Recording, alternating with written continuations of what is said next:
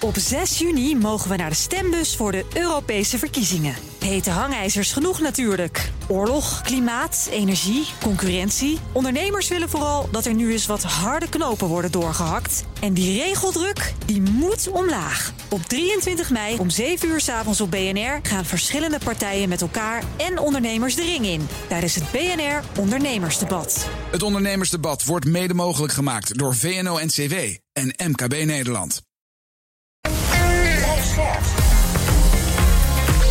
BNR Nieuwsradio. De wereld. Bernard Hammelburg. Welkom bij het beste binnenlandse programma over het buitenland. Straks zijn de Russische vergeldingsacties in Oekraïne strategisch of uit wanhoop. Daarover praat ik met defensie-expert Patrick Bolder.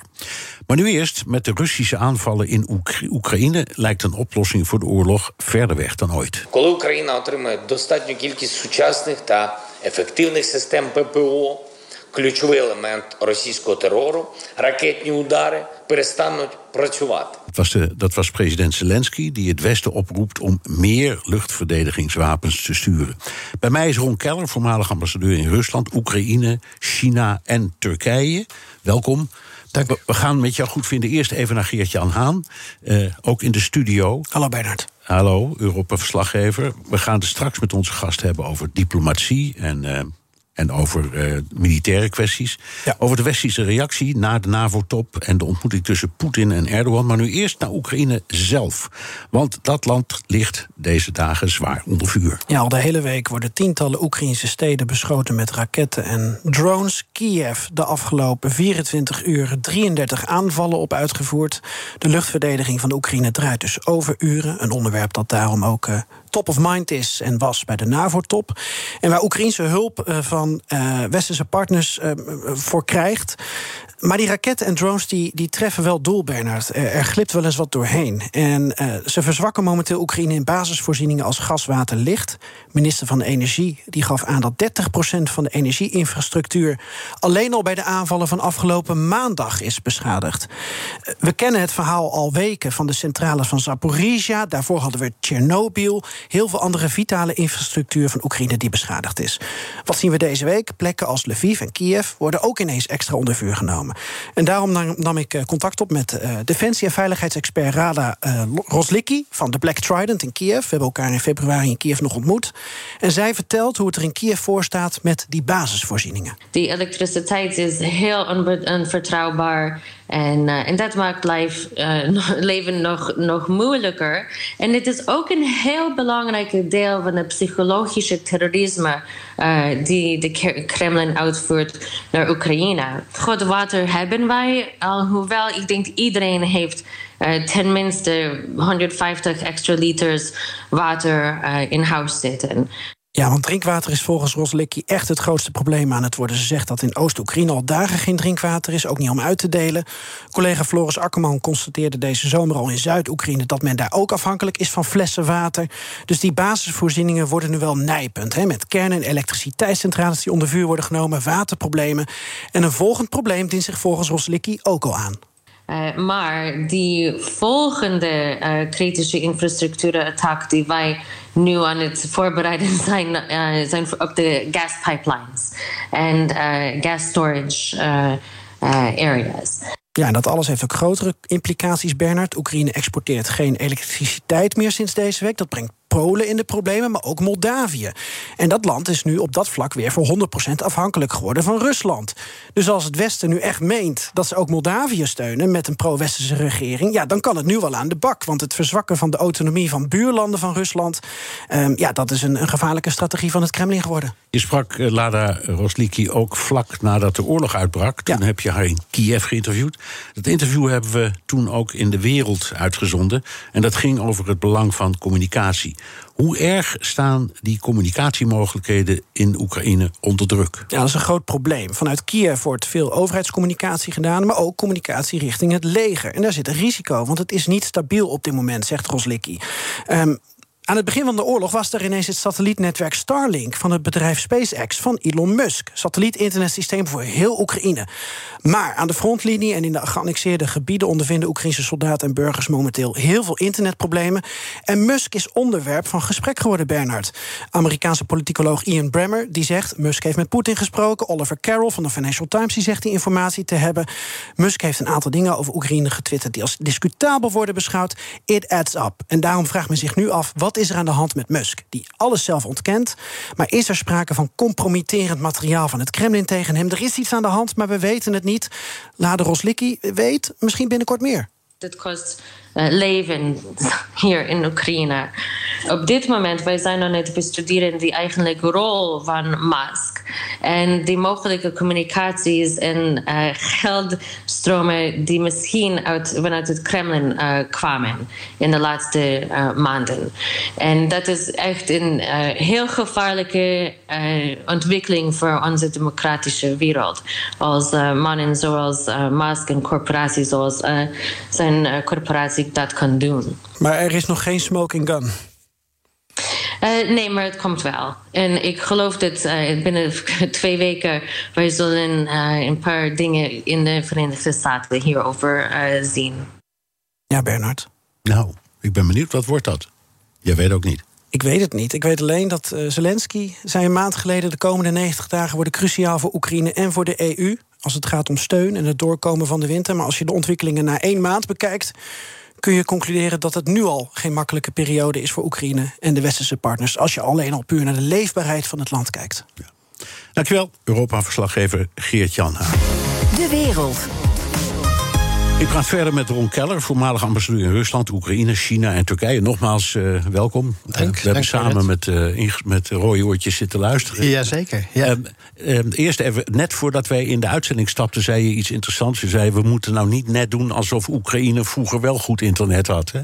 ik, ik, zei dat misschien wat cynisch, maar je moet natuurlijk altijd de relativiteit van dingen zien. Hè? Het, was, het was altijd al lastig in, in Oekraïne, dat is waar. Maar onmiskenbaar, het drama is, is, is diep en, en, en, groot. En wordt groter en groter. En... Hoe, hoe, hoe, kijk je naar de gebeurtenissen van, van, laten we zeggen, de afgelopen week? Ja, ja het, het, je ziet een escalatie. Je ziet een escalatie aan het front. Je ziet een escalatie in Oekraïne. En zoals wij het vorige blok ook hoorden, een escalatie zeg maar, naar de internationale gemeenschap toe. Die verder, hè, het begon met de, de, de, de, de Nord Stream eh, pijpleiding die opgeblazen is enzovoort. En je ziet nu als die elektriciteitsvoorziening ook meer en meer onder druk komt te staan, dat het zich verder gaat verspreiden de escalatie zal, denk ik, de komende periode nog verder oplopen van twee kanten. Ja. Uh, Rusland zegt: we weten precies hoe dat is gegaan met die aanslag. We hebben acht mannen gearresteerd en die hadden bommen in plastic. Ja. Enfin, tot in de kleinste details twee vragen eigenlijk erover. Misschien in één. Geloven we daar iets van, van dat verhaal?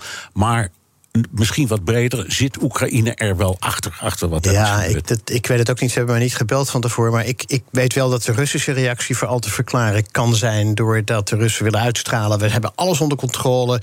Uh, het is dan weliswaar ontploft, maar we hadden het eigenlijk al zien aankomen. We hebben er foto's van gemaakt, dus ja, dit is een type typische, uh, uh, typische reflex van een, van een dictatuur. Alles onder controle, we hebben het allemaal uh, in, de, in eigen hand. Ik geloof daar niks van. Nee. en ik denk maar, dat de Oekraïners inderdaad die brug hebben willen treffen... vanwege de, het, het, de, de, de strijd in Gerson en de, de bevoorrading... die het Russische leger via die brug kreeg. Ja, het was natuurlijk ook een symbool. Het was ook een symbool, dus het was win-win wat dat betreft voor de het, het was, het was een, een, een, een ja. los van uh, de politieke situatie, maar een mega uh, project. Ja, wat heel zeker was geslaagd. Ja, zeker. zeker. Oké, okay, even, even naar Rusland. Uh, volgens de berichten heeft dat op 40 steden en, door, en dorpen bommen gegooid. Op van alles en nog wat krachtcentrales utiliteitsgebouwen, openbare plekken, parken, een speeltuin. Ja. Geen militaire doelen. Wat denk je dat er achter? Nou, ik denk dat ik. ik ja, ik, met alle respect, je noemt net speeltuin. Dat, natuurlijk, we hebben dat beeld gezien. We moeten. Ik, ik, kijk er misschien wat nuchter, meer nuchter naar. Ik denk dat de, Russen. Uh, toch al van plan waren om verder te escaleren via het treffen van de infrastructuur. En dat betekent, je kan zeggen, ja, dat is uh, voor de onschuldige bevolking, maar de infrastructuur is natuurlijk Oekraïne. En daarmee tref je natuurlijk ook de slagkracht nou ja, van. Ik, Geert-Jan is er nog bij. Als ik net het verhaal goed begreep, dan is het grootste probleem drinkwater. Ja. Ja, toch? Dat zei Ja, jij net. Maar onderdeel van het verhaal, Ja. de leefbaarheid van Oekraïne Precies, kort te maken en zeker. het verzwakken van het land. Ja. Zeker, dat klopt. Dat Ja. klopt. Dus dat was voorspelbaar van de Russen. En nog even over dat speeltuintje. Ik, het valt me op dat nergens is dat, is dat eh, gemeld. Dat speeltuintje dat bevond zich, bevindt zich in het Shevchenko-park. Shevchenko is de, het symbool van de identiteit van Oekraïne. De voetgangersbrug die geschoten werd door de, door de Russen... dat was recht voor het, het, het vriendschapsmonument Rusland-Oekraïne. Dus de Russen hebben helemaal niet in de willekeurig op burgerdoelen... hebben heel bewust twee symbolen willen uitschakelen... en vervolgens infrastructuur. Ja. Dus de Russen zijn meer in controle wat dat betreft dan wij, dan wij soms denken. Ja. Ehm, los van die escalatie over Ja. en weer, wat, wat ligt er nou volgens jou eh, ten grondslag aan de hardere lijn van Poetin? Ja, nou, het is natuurlijk het is kip en ei. Hè. De, de, de, Oekraïners zijn. eh, kijk, eh, Rusland valt Oekraïne binnen. Het blijkt erg tegen te vallen. Versmalt vervolgens de doelstellingen. Zelfs dat het bereiken van die smallere doelstellingen blijkt moeilijk te zijn. Ja, dan zie je een verharding eh, aan, de, aan de Russische kant. Al is het maar omdat in, in, in, in Rusland zelf de, de, de zeg maar meer liberale, eh vredezoekende eh, oppositie al twintig jaar geleden is uitgeschakeld. Hè, de afgelopen twintig jaar. Dus er zijn alleen maar hardliners die, die een nog hardere reactie van Poetin vergen. Dus je ziet dat die escalatie. En hoe harder eh, Rusland drukt, hoe harder Zelensky vanzelfsprekend probeert om zijn land te bevrijden. En ook gegeven het feit dat hij succesvol is, eh, is het logisch dat Oekraïne daarmee doorgaat. Dus je ziet aan beide kanten een voorspelbare escalatie. Ja. Ja. Ehm, nog iets. Hè. Na die annexatie, of vanaf het moment van die annexatie, kan Poetin, we kijken even door de ogen van Poetin, zeggen: iemand die daar een aanval op doet, die valt Russisch grondgebied aan. Zeker, ja. ja. En dat doet hij dus ook. En die gaten die, ehm, die Oekraïne slaat in alle vier de, de bezette gebieden, ja, dat kan Rusland nu zien als een aanval op Rusland. dat klopt. Dat is, dat is een deel van het narratief. En daarmee is- kan Rusland zich in het slachtofferrol, zou ik bijna. Ja, het is bijna niet voor te stellen. Maar men probeert zich in een slachtofferrol van wij worden aangevallen, wij proberen ons te verdedigen. En Poetin gaat nog verder. Twee weken geleden al Hij heeft gezegd: ik wil praten over vrede. Ja. Ja, dat, haalt je, dat haalt je de koekoek. Maar eh, ja, het is logisch dat Zelensky op dit moment niet wil praten met, eh, met Poetin. Nee. Dit is BNR De Wereld. Mijn gast is Ron Keller, voormalig ambassadeur in onder meer Rusland, Oekraïne en China. Треба визнати і очевидний факт. Із цим керівником Росії, який не має майбутнього, не може бути і діалогу. Він сам відкинув діалог, попри всі наші намагання домовитись про мир протягом років. President Zelensky zegt dat er geen ruimte is voor dialoog en onderhandelingen met Rusland. Zeg ik het goed, Geert-Jan, dat jij kan het verstaan? Eh, hij zijn nog net niet in geen miljoen jaar, maar de strekking is dus Nee. juist. Als je vanuit dat perspectief van Oekraïne kijkt. ehm, eh, die lijken de wind mee te hebben en die willen gewoon hun grondgebied terug. Ze zijn bovendien het land eh, dat is aangevallen. Dus waarom zouden ze überhaupt met Poetin willen praten voordat hij met zijn troepen het land uit is? Ja, dat precies. En eh, we moeten ook reëel zijn. Wij steunen Oekraïne. Wij geven meer en meer wapens en betere wapens.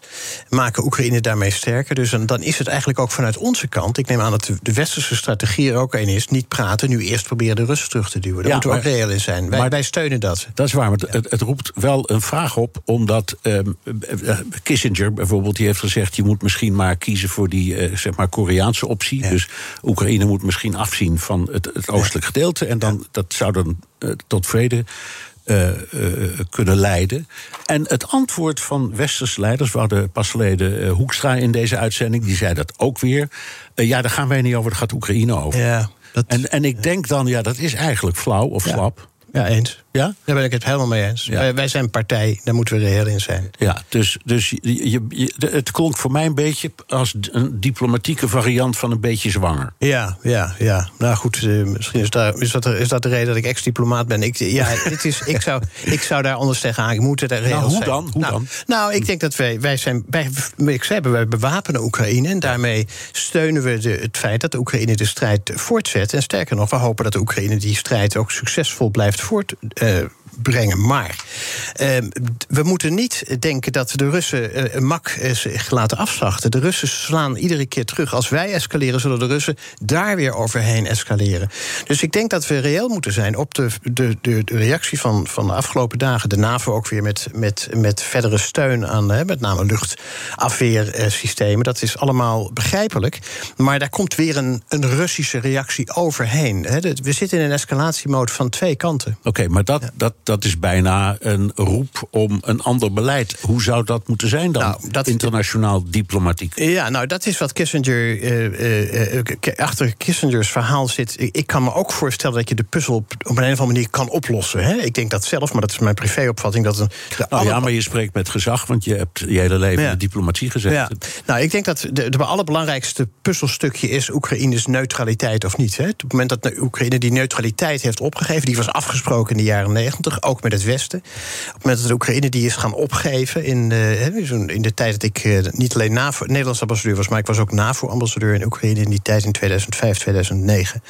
Oekraïne heeft toen die een onafhankelijkheid, eh, neutraliteit willen opgeven. Daarmee is deze oorlog geboren geworden. Je zou dus kunnen voorstellen dat voor een oplossing ook de neutraliteit weer op tafel zou moeten komen. Maar veel belangrijker, denk ik nu, is dat eh, we moeten nadenken over hoe die puzzel op te lossen is. Poetin is niet uit op meer land. Poetin wil laten zien dat hij niet met zich laat zollen. Dat hij niet eh, Rusland wederom eh, voor voldongen feiten laat zetten. Nee, maar- Zo voelt hij dat. Nou, hè? e- even, even, even een paar dingen. Je zegt, ehm, we, we, we hadden het wel een beetje zien aankomen... hè, Ja. voordat het allemaal gebeurde. Daar Zeker. hebben we in deze uitzending heel veel over gepraat. Eh, provoceren we Poetin niet te veel, enzovoort, enzovoort. Om, om, dan gebeurt het... Ja. Ehm, en dan begrijp ik het narratief niet meer helemaal. Want je kan je voorstellen dat Poetin volhoudt. Dat hij zegt, ja, dat is dus een deel van ons. En, en wat er gebeurt is allemaal illegaal. En die NAVO die heeft illegaal opgedrongen.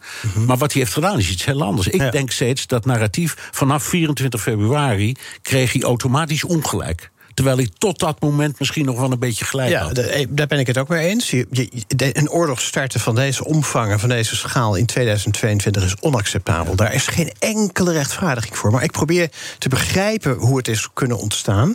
En als je dan teruggaat van hoe kunnen, het, kan het, kunnen we het oplossen, dan zullen diezelfde elementen zullen daar weer een rol bij spelen. Dat is wat Kissinger heeft bedoeld.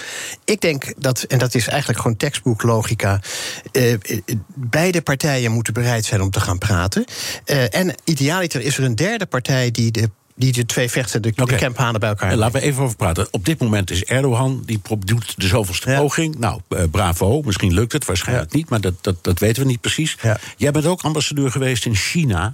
China heeft, houdt zich als het ware gedijst... wil niet echt tegen Rusland eh, iets zeggen, maar ook niet pro... Ja. Eh, vindt dat de, de integriteit van onafhankelijk eh, Oekraïne gewaarborgd moet zijn. Ja. Zou China niet in deze zaak moeten stappen? Dat zou, dus, dat, zou je, dat, zou, dat, zou, dat zou fantastisch zijn als China het lef zou hebben. ehm, eh, om, het zou heel veel goodwill voor China kweken. Maar het veel belangrijker is, het zou de oorlog wellicht kunnen stoppen.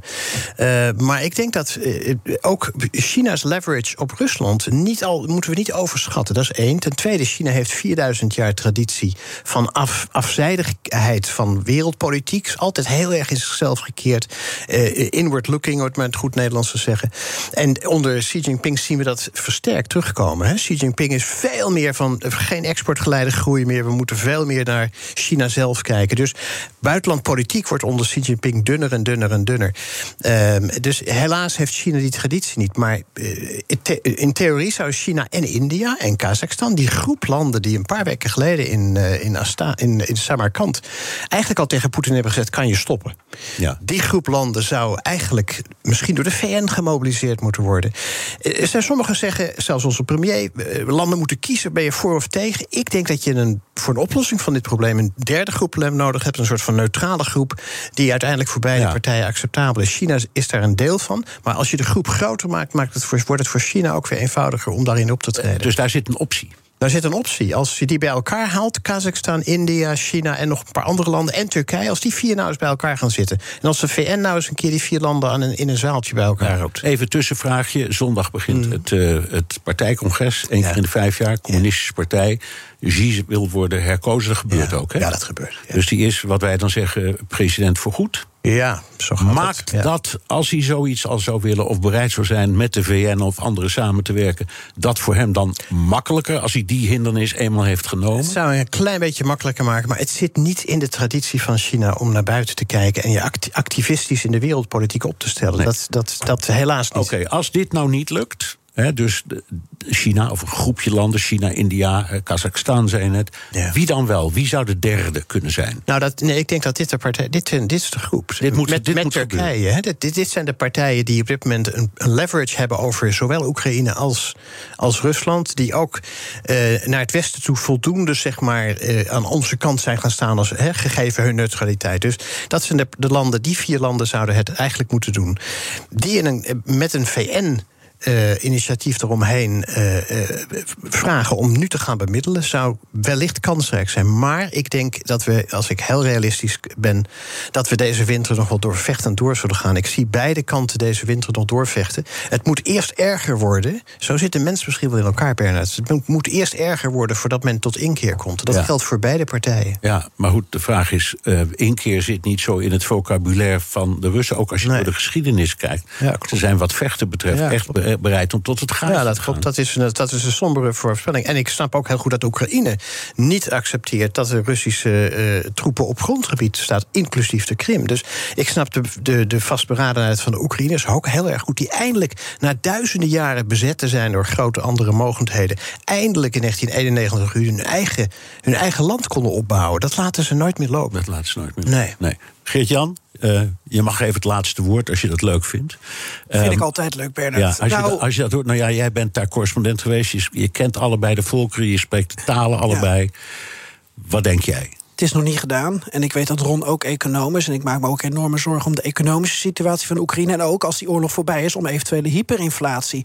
En dan kennen we uit de geschiedenis de grote problemen die landen dan weer eh, Du- voor, Duitsland, voor zich na, krijgen. Duitsland na de Eerste Wereldoorlog. Ja, hoe, hoe ga je dan als democratie een hyperinflatie eh, te lijf? Hoe gaat Zelensky, als hij dan nog eh, president is, eh, dit dan eventueel overleven? Al dat soort grote vraagstukken liggen nu nog niet helemaal op tafel. Maar dat zijn dingen die gewoon die gaan spelen. En dat weet econoom Keller natuurlijk ook. Ja, Ja, revaluatie. Dat klopt helemaal. De Ja. gro- grote instellingen als de Wereldbank en, en de Oost-Europa-Bank moeten daarbij hun- een rol spelen. En die kunnen hun mouwen nu alvast. eh, Zeker. En daar zijn ze al mee bezig hoor, dat weet ik zeker. Oké, dank Ron Keller, voormalig ambassadeur in Rusland, Oekraïne, China en Turkije. En ook eh Geert-Jan Haan, onze Geen ambassadeur.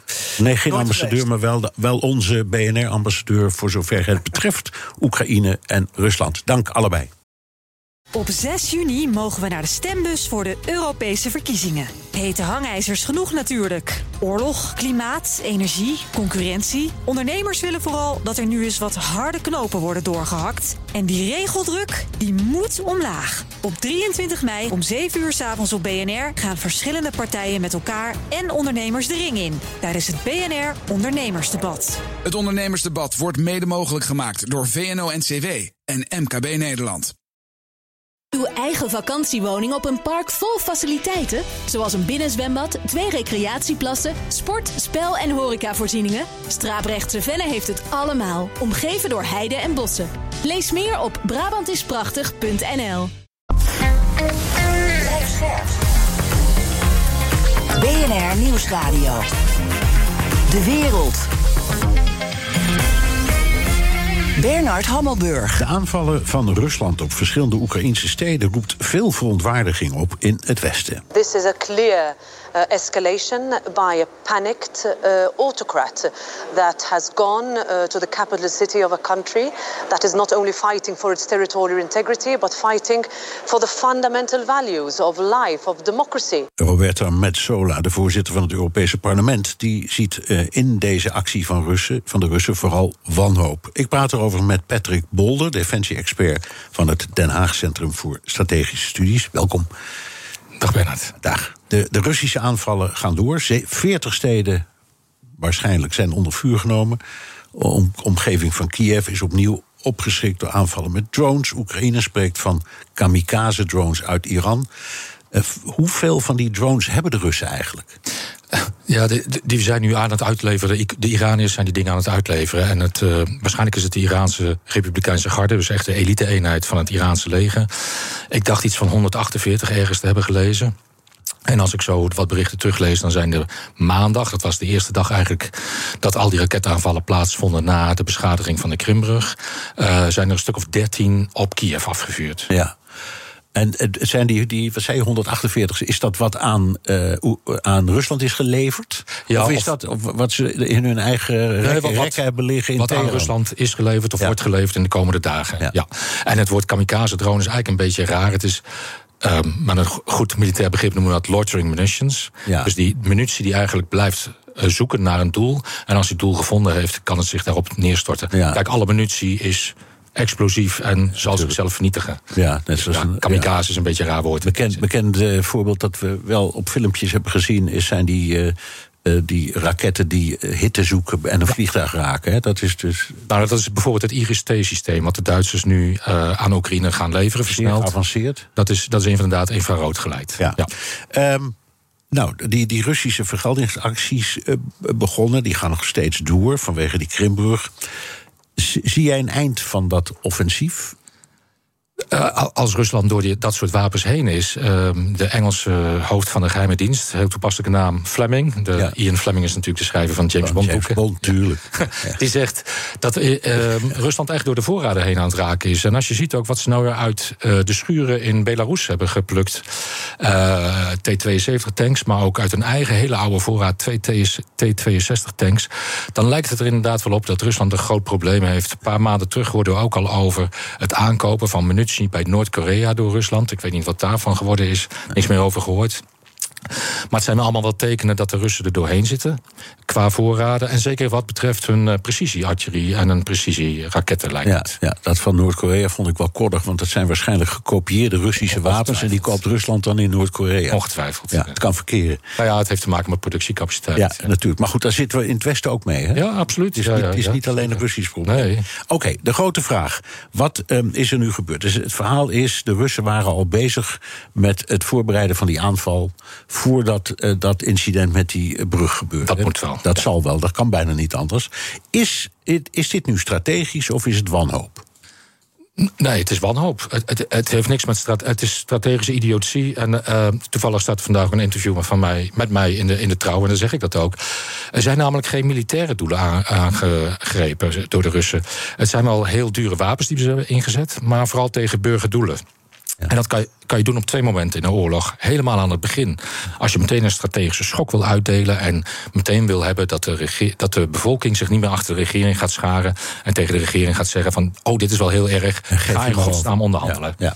Of je doet het aan het eind van een conflict als als de steun voor zo'n regering, in dit geval dan Zelensky, als de binnenlandse steun heel erg zou afbrokkelen, ja, dan hebben ze nog een laatste duwtje nodig. En dan zou zo'n terreurbombardement op de burgerbevolking wellicht kunnen helpen om Zelensky te isoleren, en waardoor hij wel naar de onderhandelingstafel moet gaan. Ja, maar je kunt ook zeggen, um, door dit soort dingen te doen, creëert, dat hoorden we net ook in uh, het eerste deel van het ja. programma, uh, dan, dan creëer je wel heel veel ongeluk en onrust onder de mensen. Ik, ik moest denken aan, je, je creëert een soort van.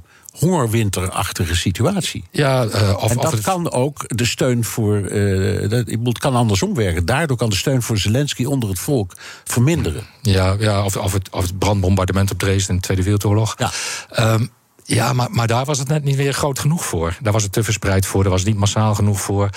En als je al een beetje had gekeken, dan zag je toch wel dat iedere keer dat Oekraïne aan het kleed wordt gekomen, dat de Oekraïnse bevolking meer en meer uh, achter Zelensky gaat staan. Ook de Russisch sprekende bevolking in Oekraïne. Um, ze zijn die Russen allemaal zat aan het worden. Want ze zien allemaal wat voor misdaden ze hebben gepleegd. Uh, oorlogsmisdaden tegen de burgerbevolking. Door geen militaire doelen aan te vallen, maar juist die burgerdoelen. Kijk, ik geloof dat er iets van 130 miljoen euro aan munitie is weggegooid door de Russen. En ze schieten er niks meer op. Afgelopen maandag en dinsdag. Nee. Um, dus jij zegt wanhoop. Ja, ja ik, ik kan er niks anders maar, van maken. En waar moet het toe leiden? Want uh, als je in. Dat begrijp ik dan ook niet goed. Nee. Nee, jij, jij nou, ja, daarom, zeggen. Daarom noemde ik het ook idiotie. Ja. Um, ik kan me voorstellen dat. Kijk, dit soort wapens. Als je precisiewapens hebt, zet je ze in tegen militaire doelen. Om te voorkomen wat de Oekraïners doen met een HIMARS-systeem. Vernietigen ze de munitievoorraden, de, de commandovoeringscomplexen, uh, de commando-eenheden. Dat is, dat is nu niet gebeurd. Het is puur uh, een kruispunt, een uh, speelplaats. Het is echt bedoeld om bevolking te terroriseren. Maar die gaat alleen maar meer gesloten opereren. En in het buitenland wordt hier alleen maar, zeker in het Westen, uh, met nog meer afschuw over gesproken. Wat uiteindelijk Poetin zijn positie verder isoleert in, aan de onderhandelingstafel straks. Ja, nou althans als je kijkt naar het Westen. Want, want in Afrika en in het zuidelijk deel van Azië zijn nog heel veel landen die Rusland best steunen. Hè. Het is niet, we moeten niet denken dat de hele wereld achter ons standpunt staat. Nee, dat, dat klopt. En als je gaat kijken naar de wereldbevolking die achter die VN-stemmen zijn, die net uh, gisteren zijn geweest, dan is dat ongeveer de helft van de bevolking van ja, de wereld. Van de wereldbevolking. Die, ja. ja. Um, even over die, die aanval op de Krimbrug. De, um, uh, de Russen hadden dus dat, meteen dat hele verhaal. We weten precies wat er is gebeurd. Heel knap. Maar denk jij, dat hadden we het in, in, straks ook al over, maar denk jij dat het wel degelijk een Oekraïense actie is geweest? Ja, ja, je moet altijd kijken wie heeft er het meeste baat bij. En de Oekraïners hebben hier het meeste baat bij. Alleen vind ik de timing een beetje raar. Ik, ik zou het pas verwachten als de Oekraïners een offensief verder hebben gedaan richting Melitopol en Mariupol. Dat ze die landbrug, die verbinding over land die de Russen hebben vanuit Rostov aan de Don naar Gerson en naar de Krim. Als die hebben doorgesneden, dan gooi je pas die brug eruit. Dan weet je zeker dat de Krim helemaal geïsoleerd is, de, militairen, de Russische militairen op de Krim. Dus ik vind het moment een beetje raar als het van de Oekraïnse hogere legerleiding komt. Ik denk eerder dat het goedwillende Oekraïners of pro-Oekraïners zijn die denken van we geven die Russen een, uh, een straf. Ja. Um, even over de, de, want we hebben het over aanslagen. De, de aanslagen op, de, op Nord Stream 1 en Nord Stream 2. Wat is jouw analyse? Uh, er zijn uh, mensen die, die zeggen de Russen hebben dat zelf gedaan. Dat kan ik me heel moeilijk voorstellen, want dan gooien ze hun eigen exportmiddel kapot. Wat denk je? Nou, ik, ik denk ook dat de Russen zijn. Kijk, wel. ja, ja. Um, Oké, okay. ja, ja, laten we het uitleggen. Ja, precies. Ja. nou, Poetin die wist al dat Europa is natuurlijk aan het diversificeren, is proberen los te komen van dat Russische gas. Um, en dat is heel succesvol. Dus hoe groot is de kans eigenlijk dat Nord Stream 1 en 2 weer in gebruik zou worden genomen? Hoe ver kunnen wij Rusland in de toekomst nog vertrouwen? Nee, we willen juist helemaal loskomen. We willen niet meer via Nord Stream 1 en 2 het gas gaan afnemen. Want dat is een kraan die Poetin kan aan- en uitzetten. Dus hij weet dat die niet meer gebruikt zal worden in Europa. En wat kun je dan beter doen in een hybride actie? Um, uh, kapot maken en dan iemand anders de schuld geven of in het vage laten. Maar je laat je wel zien dat je in staat bent dat soort acties te doen. Want er ligt ook een heleboel andere kritische kabels en leidingen op de bodem van de Noordzee en, uh, en de Oostzee. Die ook dus door Rusland kunnen worden gesloopt. Ja. En wat dat betreft zet hij wel druk op en het Westen. waarom zei Poetin dan um, van de week... ja, er is nog een optie over, er loopt een soort parallelpijpleiding bij Nord Stream 2... die kunnen we zo weer openzetten? Nou ja, misschien om toch dat achterdeurtje te houden. Wie weet wil Europa op termijn toch wel. En dan maak je niet alles kapot. Maar ik, ja...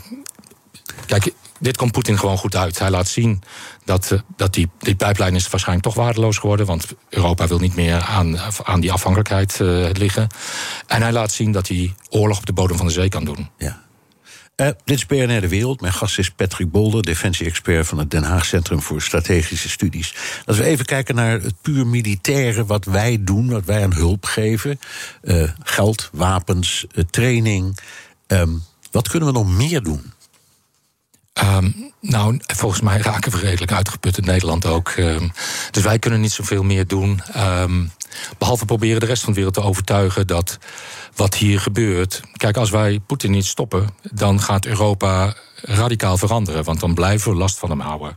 Als we Poetin wel stoppen, dan gaat Rusland radicaal veranderen. Dat zijn de twee uitkomsten. Ja, ja wat willen wij eigenlijk als Europa? Ik denk dat wij liever hebben dat Rusland radicaal verandert dan Europa radicaal verandert. Dus we zullen moeten zorgen dat die eenheid er blijft, die in het Westen is, in de NAVO, in de Europese Unie. En dat Poetin geen poot aan de grond krijgt. Want als hij wel een poot aan de grond krijgt, dan ziet hij dat deze strategie werkt voor hem. Ja. En hij kan hem dus halen en hij zal hem ook gaan herhalen. Ja. Maar je kunt, um, ja, dat, dat, ja, je kunt ook zeggen, um, door. Um, doordat het langer duurt, en iedereen is het erover eens dat het lang gaat duren, zie je hier en daar de steun al een beetje wegvallen. Bijvoorbeeld het voormalige Oost-Duitsland. Dat deel Zeker. van Duitsland, dat is echt nu. Ja, dat zegt het moet afgelopen zijn. En wij hebben er last van en we willen gewoon weer gas. En dat zie je waarschijnlijk in meer en meer en meer stukken van ja, Europa. Maar, maar ja, dat dus is, waar, ja. hoe lang kun je de solidariteit in dat opzicht wij hebben inflatie en een probleem. Wij hebben geen gas meer.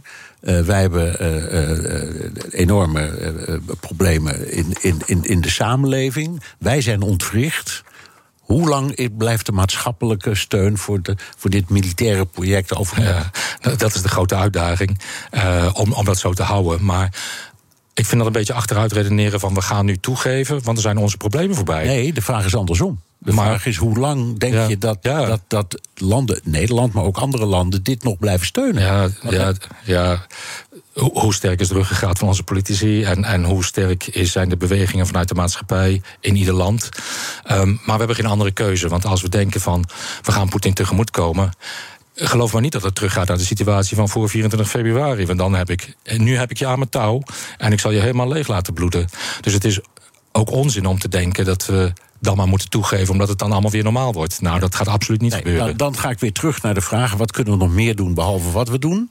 Uh, diplomatieke druk, proberen via de VN die andere landen ook te overtuigen dat wat hier gebeurt, uh, niet alleen voor Europa, Oekraïne slecht is en voor het Westen, maar uiteindelijk ook internationaal heel erg vervelende gevolgen gaat hebben. Kijk, China, daar gaat het niet zo goed economisch. Die wil worden herkozen. Als de wereldhandel stil komt te liggen omdat Rusland dit conflict blijft uitvoeren met hele grove schendingen van de uh, uh, wettelijke, de menselijke, hoe noem je dat? Humanitair oorlogsrecht. Ja, oorlogsrecht. Um, oorlogsmisdaden. Ja, oorlogsmisdaden pleegt. Meer en meer landen zullen zich daar tegen verzetten. Maar ook meer en meer landen zullen Rusland isoleren. En zullen misschien ook wel de landen daar, de oude Sovjetlanden, gaan ook uit elkaar vallen. In hoeverre zijn het nog stabiele basis voor het Belt and Road initiatief van de Chinezen? En dat vinden ze natuurlijk veel belangrijker, hun eigen economische ontwikkeling. Ja, ja. Nou, je zag ook in die stemming in de Verenigde Naties, uh, in de algemene vergadering, iets gebeuren. Er zijn dus wat meer landen die nu uh, uh, tegen Rusland hebben gestemd, inclusief een paar grote, Servië, Brazilië, ja, ja. ik noem maar wat. Dat was niet verwacht. En, en de Russen zeiden na afloop, en ik geloof ze, dit is het gevolg geweest van westers armpje drukken. En toen dacht ik, ja, zo zit het precies. We proberen zieltjes, ja. zieltjes te winnen. Ja. Om, om... Ja, dat, dat, dat, is van beide kanten natuurlijk. Ja. En laten we dan hopen dat wij aan de winnende kant zijn. En dat wij het moreel aan onze zijde hebben. Ja. Moet het nog over één ding hebben. Uh, en dat is de nucleaire dreiging. Dat, Mhm. dat, hoor je elk moment. En heel veel mensen zeggen, nou, dat is ondenkbaar, dat gaat hij helemaal niet doen. En de anderen zeggen, nou ja, als hij ver genoeg getergd wordt, dan doet hij het misschien wel. Um, er bestaat niet zoiets als wat ze in de jaren tachtig een limited nuclear war noemden. Nee, nee, in de tijd van Reagan en Weinberger en zo.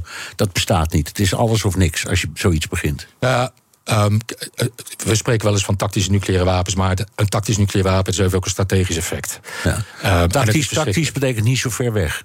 Uh, en, en met een hele kleine en een explosieve lading. Denk ja. aan een Hiroshima. Dat is dan een kleine lading. Klein, klein bommetje ja. was dat. Ja. Jongen, jongen. Maar ja. voordat we daar zijn, zal Rusland nog wel een aantal stappen moeten nemen. Dus uh, ja, het wordt gevaarlijker, absoluut. Uh, hoe meer Poetin in de hoek komt te staan, hoe groter de kans wordt dat hij ooit naar een nucleair wapen gaat aangrijpen. Maar er gaan een aantal stappen daaraan vooraf.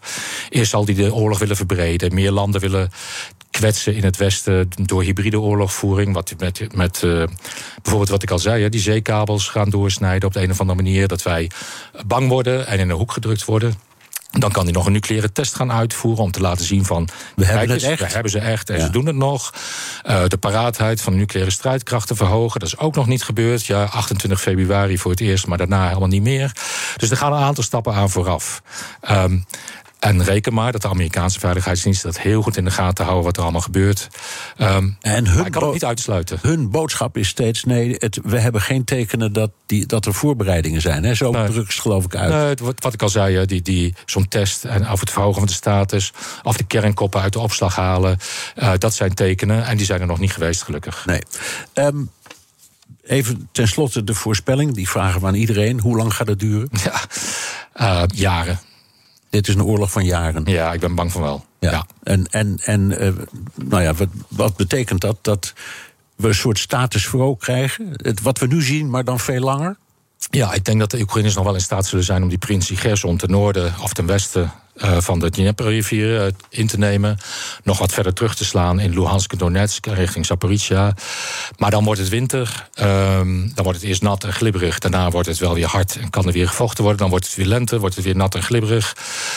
Maar de Russen zijn niet zomaar weg daar. Het zijn er zoveel. En um, Oekraïne heeft te weinig aanvalsmiddelen en te weinig mensen om alles weer in één keer in te nemen. Nee, ondanks wat wij allemaal doen. Ondanks alles dat. Ja. Dank, Patrick Bolder, defensie-expert van het Den Haag Centrum voor Strategische Studies. Postma in Amerika. Tijd voor het Amerikaanse nieuws door de ogen van onze correspondent in Washington, Jan Postma. Jan, de spannende strijd om een senaatzetel in Pennsylvania wordt steeds spannender. Eerst even, wie zijn de kandidaten daar ook alweer en waarom is het belangrijk? Ja, dit is een van de staten die de doorslag kan geven in die strijd om de meerderheid in de Senaat. Nu is de verhouding nog 50 Republikeinen tegen 50 Democraten. Nou, daar willen ze beide wat aan doen. En een van die battleground states is Pennsylvania. En in de peilingen gaat het daar echt nek aan nek. Uh, het gaat tussen de Republikein Dr. Oz, de tv-dokter, bekend van Oprah, hebben we het al eens vaker over gehad. Een echte celebrity-kandidaat, krijgt de steun van Trump. En aan de andere kant John Fetterman, dat is de oud-burgemeester uh, van Braddock, een plekje in Pennsylvania. En dat is die man met dat imposante voorkomen, kaal hoofd, lange kerel, grote stoere kerel, ook heel kleurrijk. Uh, een voorbeeldje, als burgemeester van Braddock liet hij de vuurwapendoden, die, die vielen in zijn ambtstermijn, allemaal op zijn arm tatoeëren. Dus zo'n man is dat. En die Fetterman deed het lang ietsje beter. Maar het zou kunnen dat die Os nu weer een beetje terug gaat komen. Ja, want die grote sterke beer met al die tekentjes op zijn armen, die heeft wel een hartinfarct gehad. En hij moest de campagne onderbreken. En deze week gaf hij zijn, zijn eerste tv-interview. Ja, ja dat, dat uh, hartinfarct dat zorgde voor veel speculatie. Want we zagen hem even niet meer. En, en hoe herstelt hij? Hoe gaat het dan? Uh, en ik denk dat het ook uh, zijn campagne echt wel schade heeft gedaan. Want de, de vraag werd daarna: kan hij dit eigenlijk wel aan? Nou, nu is de eerste keer dat hij een interview heeft gegeven op de nationale televisie. Om te laten zien dat het goed met hem gaat, natuurlijk. Om die kiezers gerust te stellen. Maar hij is nog niet helemaal hersteld. Dat kan ook niet in die tijd. En, en dan moet je weten, voor dat interview had hij een scherm voor zich met ondertiteling. Dus een laptop die zette de vragen om in tekst. En, en dat las hij dan om het te, kunnen begrijpen. Omdat er dus in zijn hoofd nog steeds eh, niet helemaal die verbindingen gemaakt kunnen worden. Hij is nog niet helemaal hersteld. Nou, en natuurlijk werd dat juist het hoofdpunt van het verhaal op televisie. Our Dasha Burns spoke with Democrat John Fetterman in his first in person sit down interview since he suffered a stroke. And Dasha, this was not a typical candidate interview. No, Lester, because of his stroke, Fetterman's campaign required closed captioning technology for this interview to essentially read our questions as we ask them. And Lester, in small talk before the interview without captioning, it wasn't clear he was understanding our conversation. Ja, zonder die ondertiteling begreep je het niet helemaal, zegt deze verslaggever. Nou, dat klinkt natuurlijk niet geruststellend. Uh, er wordt ook meteen is er wel kritiek op die verslaggever. Want andere verslaggevers die, zeggen, die hem hebben gesproken, zeggen van het valt wel een beetje mee, die hebben andere ervaringen. Maar in ieder geval, uh, je hoort ook verder mezelf. En die komt niet altijd even goed uit zijn woorden. I always thought I was pretty empathetic. Uh, emphatic. Uh, I think I was very, excuse me, empathetic. Uh, you know, that's an example of the stroke, empathetic.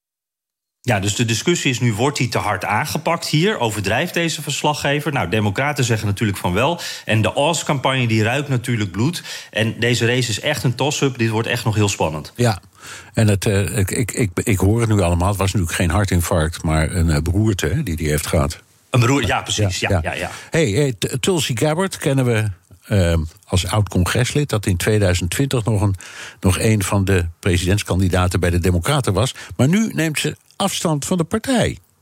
Ja, ja, ze stond echt op het podium hè, met Joe Biden en al die andere kandidaten in 2020. Was niet heel succesvol bij Democraten. Eigenlijk vooral populair bij Republikeinen, dat zei wel wat. En ook controversieel. Uh, ze ging bijvoorbeeld uh, als congreslid op bezoek bij Assad in Syrië. Uh, legde oorlog in Oekraïne de verantwoordelijkheid daarvoor eigenlijk meer bij Biden dan bij Poetin. En ja, dat is ook een van de redenen, dat laatste, dat ze nu met, met grote woorden afscheid neemt van de Democratische Partij. Ze noemt de Democraten een elitaire kabal van oorlogs hitsers en nog een hele hoop meer. I can no longer remain in today's Democratic Party that's under the complete control of an elitist cabal of warmongers who are driven by cowardly wokeness, who divide us by racializing every issue and stoking anti white racism. Ja, dit gaat nog even zo duur, door. Duurde anderhalve minuut. Uh, Republikeinen zijn hier erg mee in hun nopjes. Hopen dat meer Democraten nu zullen volgen. Maar ik moet zeggen, die Gabbard die groeide al een hele tijd uh, de Republikeinse kant op. Uh, ter illustratie, ze viel afgelopen jaar ook in voor Tucker Carlson op Fox News. Nou, dan ben je niet heel erg een Democraat als je dat doet. Nee, dan ben je echt en, overgestoken, hè? Ja, precies. Dus het was al een tijdje gebeurd. En eigenlijk ook al toen ze presidentskandidaat was, had ik het idee. Maar Republikeinen die zijn hier zo enthousiast over... dat ze nu zelfs als potentiële running mate wordt genoemd van Donald Trump. Ja, nou, er is toch nog één dingetje heel kort wat mij intrigeert. En dat is de inhoud van haar kritiek. Niet zozeer dat ze zegt, ik voel me niet meer thuis bij deze partij. Maar dat ze zegt, het is wel een elitaire bende geworden, die, die Democratische Partij. Jan, heeft ze een punt? Nou, geworden. Ja, ik denk dat het, is natuurlijk altijd wel een beetje elitair geweest, de Democratische Partij. Maar ik uh, denk dat dat voor de Republikeinen ook geldt. En de, de woorden die ze nu gebruikt, een kabal van oorlogshitsers, dat is natuurlijk echt iets wat je juist heel erg aan die rechterflank ziet. En dat zijn echt woorden die, die uit, uh, nou, uit het Republikeinse woordenboek komen. En, en eigenlijk het Trumpistische woordenboek eigenlijk. Oké. Dank. Jan Postma, onze correspondent in Washington. Wilt u meer horen over dat fascinerende land? Luister dan naar de Amerika-podcast van Jan en mij. Het is zover BNR De Wereld. Terugluisteren kan via de site, de app, Spotify of Apple Podcast. Reageren kan via een mailtje naar dewereld.bnr.nl. Tot volgende week.